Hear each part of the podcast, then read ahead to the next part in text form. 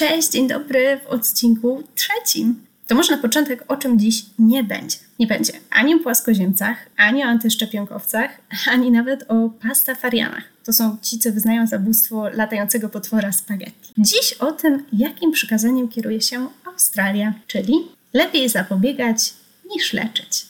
Zapraszam. Dobra. Ostatnio było jakoś optymistycznie, chociaż bywały też momenty grozy i nieludzkiej płacy w Australii. Dziś o pandemii. I chociaż temat przepracowany wzdłuż i wszerz i pewnie w tym momencie naciskaliście pauza albo gorzej stop, przejdź dalej, to może jednak jesteście ciekawi, jak to wyglądało z drugiej strony świata. Przyleciałam do Australii na początku lutego 2020 roku. Lecąc tutaj w Australii szalały pożary, a w Wuhan pandemia dopiero się zaczynała. Wszyscy znajomi na wieść o tym, że lecę do Australii, zaczynali standardowym sucharem. Czy zabieram gaśnicę? Well, nie zabrałam. Szkoda, że nikt wtedy nie zażartował, czy zabieram sanitizer i maseczkę, bo nie musiałabym wydawać grubych hajsów na ten towar deficytowy. I chociaż kolejny odcinek będzie o emigracji, to już dzisiaj muszę poruszyć aspekt rozłąki z rodziną i przyjaciółmi, bo dopiero kiedy zagrożenie jest tak namacalne i serio zaczynasz się bać o ludzi, którzy są od ciebie 14 tysięcy kilometrów, to zdajesz sobie sprawę, jak naprawdę daleko jesteś i jaki bezradny jesteś. I kiedy Europa zaczęła wykrywać przypadki, to jeszcze się łudziłam, że Australia to ominie.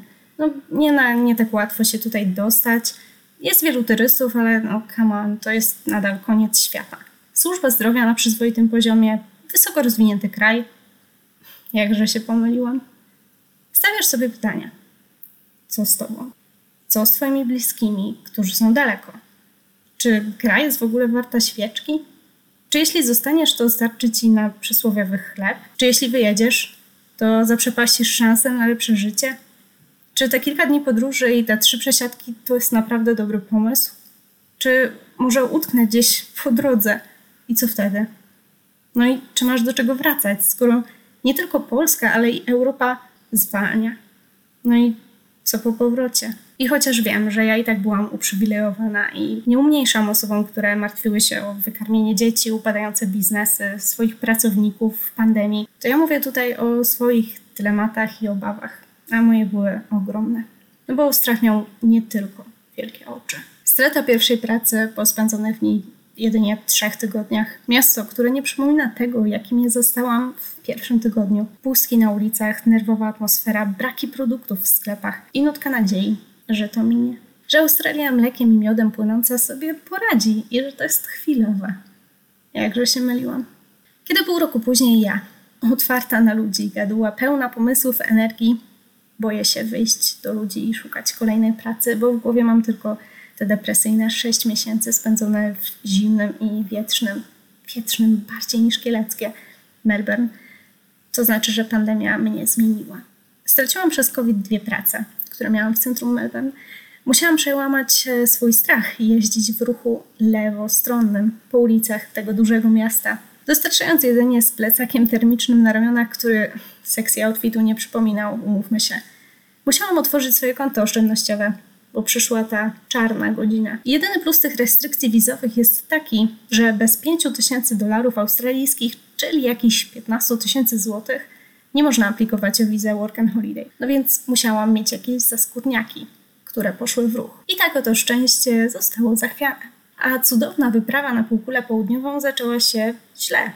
I chociaż z poprzedniego odcinka znacie happy end, więc no nie ma co płakać nad rozlanym mlekiem, to najważniejsze, żeby wyciągnąć lekcję z tej historii. Co się stało, to się nie odstanie. Tylko jaka jest lekcja? Siedzieć na dupie? Bo zawsze może przyjść coś gorszego? a wtedy znów jesteś daleko i znów zadajesz sobie te same pytania? No nie. U mnie lekcja jest taka, że nie ma w życiu nic pewniejszego niż śmierć i podatki.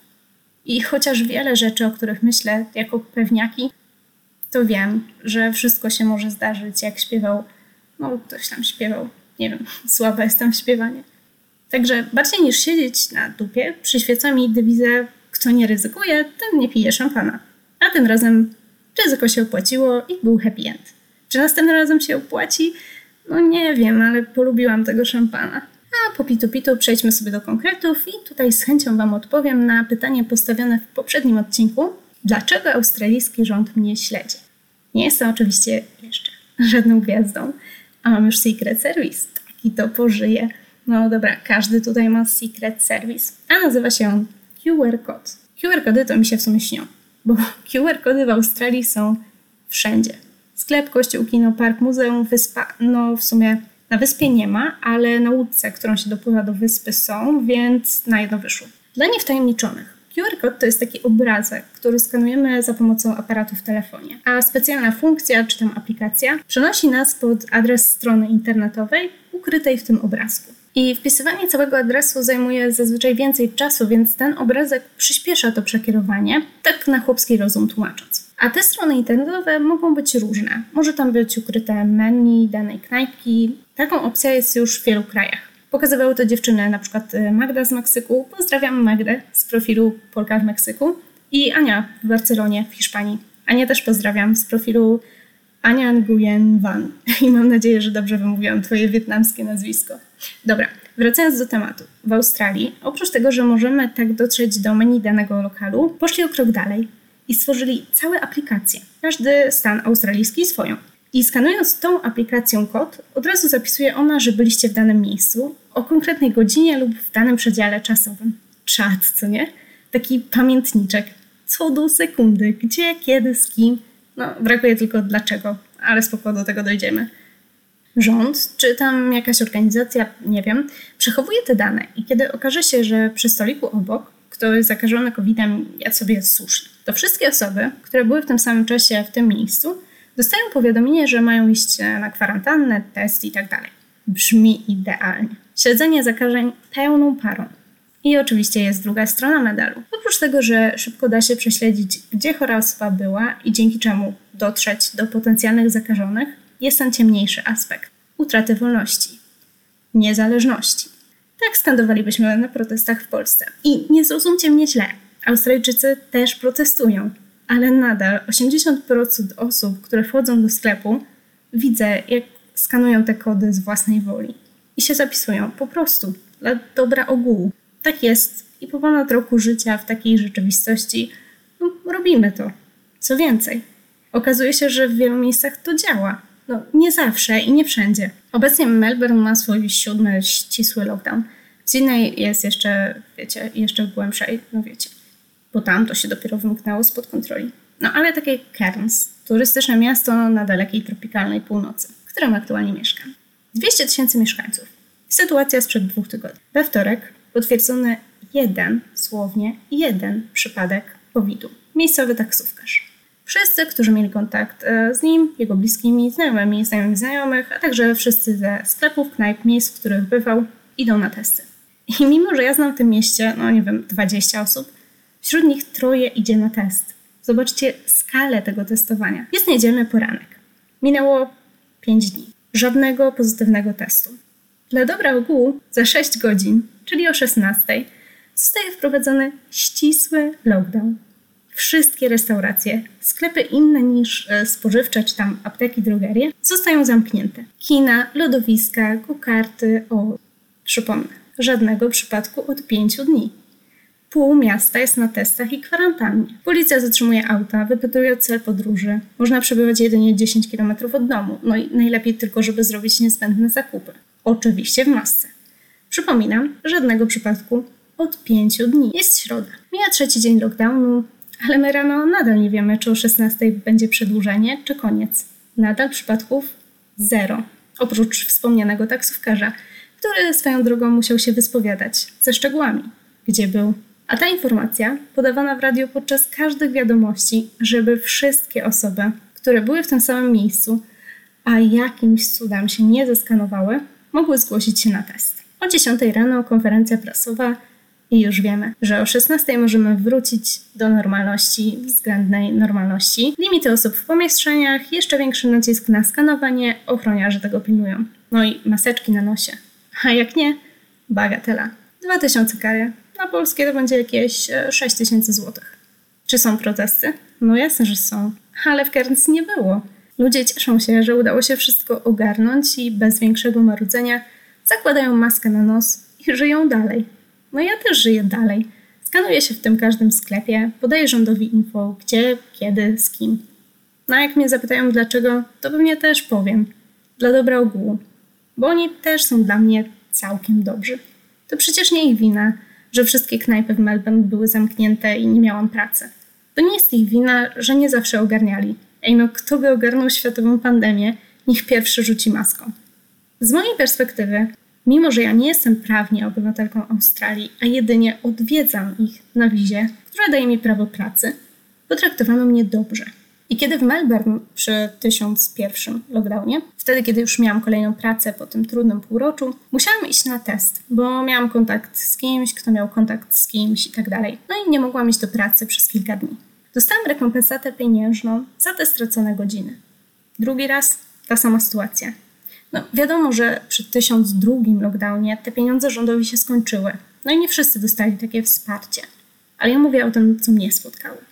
A kiedy w ogóle szukałam miejsca, gdzie mogę się wybrać na test, to zadzwoniłam na infolinię i z miejsca miałam podane kilkanaście różnych przychodni i punktów, do których mogę iść za darmo w ciągu godziny. Drive-thru? Proszę bardzo. Rowerem? No problem. Będzie pani pieszo? All good. Wynik? SMS-em do 48 godzin. Zawsze przychodził mi po mniej niż 24. Rozmawiając z innymi Polakami, ale też obcokrajowcami na różnych wizach, takimi osobami, które mają już stały pobyt, a nie obywatelstwo, nasłuchałam się różnych historii. No i moja wbrew pozorom jest bardzo pozytywna. Ktoś teoretycznie, mając takie prawa jak obywatel, czyli mając stały pobyt, czyli coś takiego poprzedzającego obywatelstwo, nie dostał zapomogi, mimo dwumiesięcznego lockdownu, jak obywatele, a teoretycznie miał mieć te same prawa. Ktoś inny czekał na test dłużej, jeszcze inny miał totalną dezinformację, czy ma być na kwarantannie przekraczając granicę stanową, czy jednak nie. No i powiecie o mnie, dziecko szczęścia. No, może. W sumie życie innych zawsze wydaje się być bardziej atrakcyjne niż nasze własne, nie? Dobra, na koniec jeszcze dwa słowa na temat, na którym się nie znam, ale się wypowiem. Australijska gospodarka. Ona była na tyle silna, że mogli sobie pozwolić na zapomogi. A wiecie, czemu była silna? Bo tutaj ludzie nie mają oszczędności. Uwaga, alert, generalizuje. Przeciętny Australijczyk żyje sobie z tygodnia na tydzień, jeśli dostaje tygodniówki, albo y, z dwutygodnia na dwutydzień, jak ma wypłatę co dwa tygodnie. A z oszczędności to by był tak, kredyt na drugi samochód, e, no i odsetki na kredytowej w czwartek, jak w piątek ma wypłatę. Oni pompują cały hajs w gospodarkę. Oni zarabiają, idą, wydają. Znów idą zarobić, żeby wydać. No i machina się kręci. Taka jest różna perspektywa od polskiej, gdzie skarpety i zakopane słoiki nadal mają miejsce. Ja tutaj wcale nie krytykuję polskiego podejścia. Ba, ja sama pcham w skarpetę, tylko taką nowoczesną, elektroniczną, zwaną oprocentowanym kontem oszczędnościowym. Tylko ci ludzie korzystają tutaj na bieżąco z pieniędzy. I to jest takie nowe dla mnie, takie odkrywcze podejście. No i takie zgubne, bo kiedy z dnia na dzień ktoś stracił pracę, dnia na dzień ich świat się zawalił. Nie mieli żadnych zapasowych skarpet. Tak to widzę ja. Laik ekonomii i samouk finansów. Wszystkie dane oczywiście zostały uogólnione na potrzeby odcinka, a w następnym odcinku postaram się jeszcze bardziej uogólniać, opowiadając o plusach i minusach emigracji. Do usłyszenia za tydzień. Postanowiłam wprowadzić jakąś rutynę do tego spontanicznego dzieła i kolejny odcinek już za 7 dni. A jak ktoś liczy w godzinach, to będzie 168. A jak czekacie tak bardzo, że liczycie w minutach, no to 10 tysięcy i 80 minut. To pa!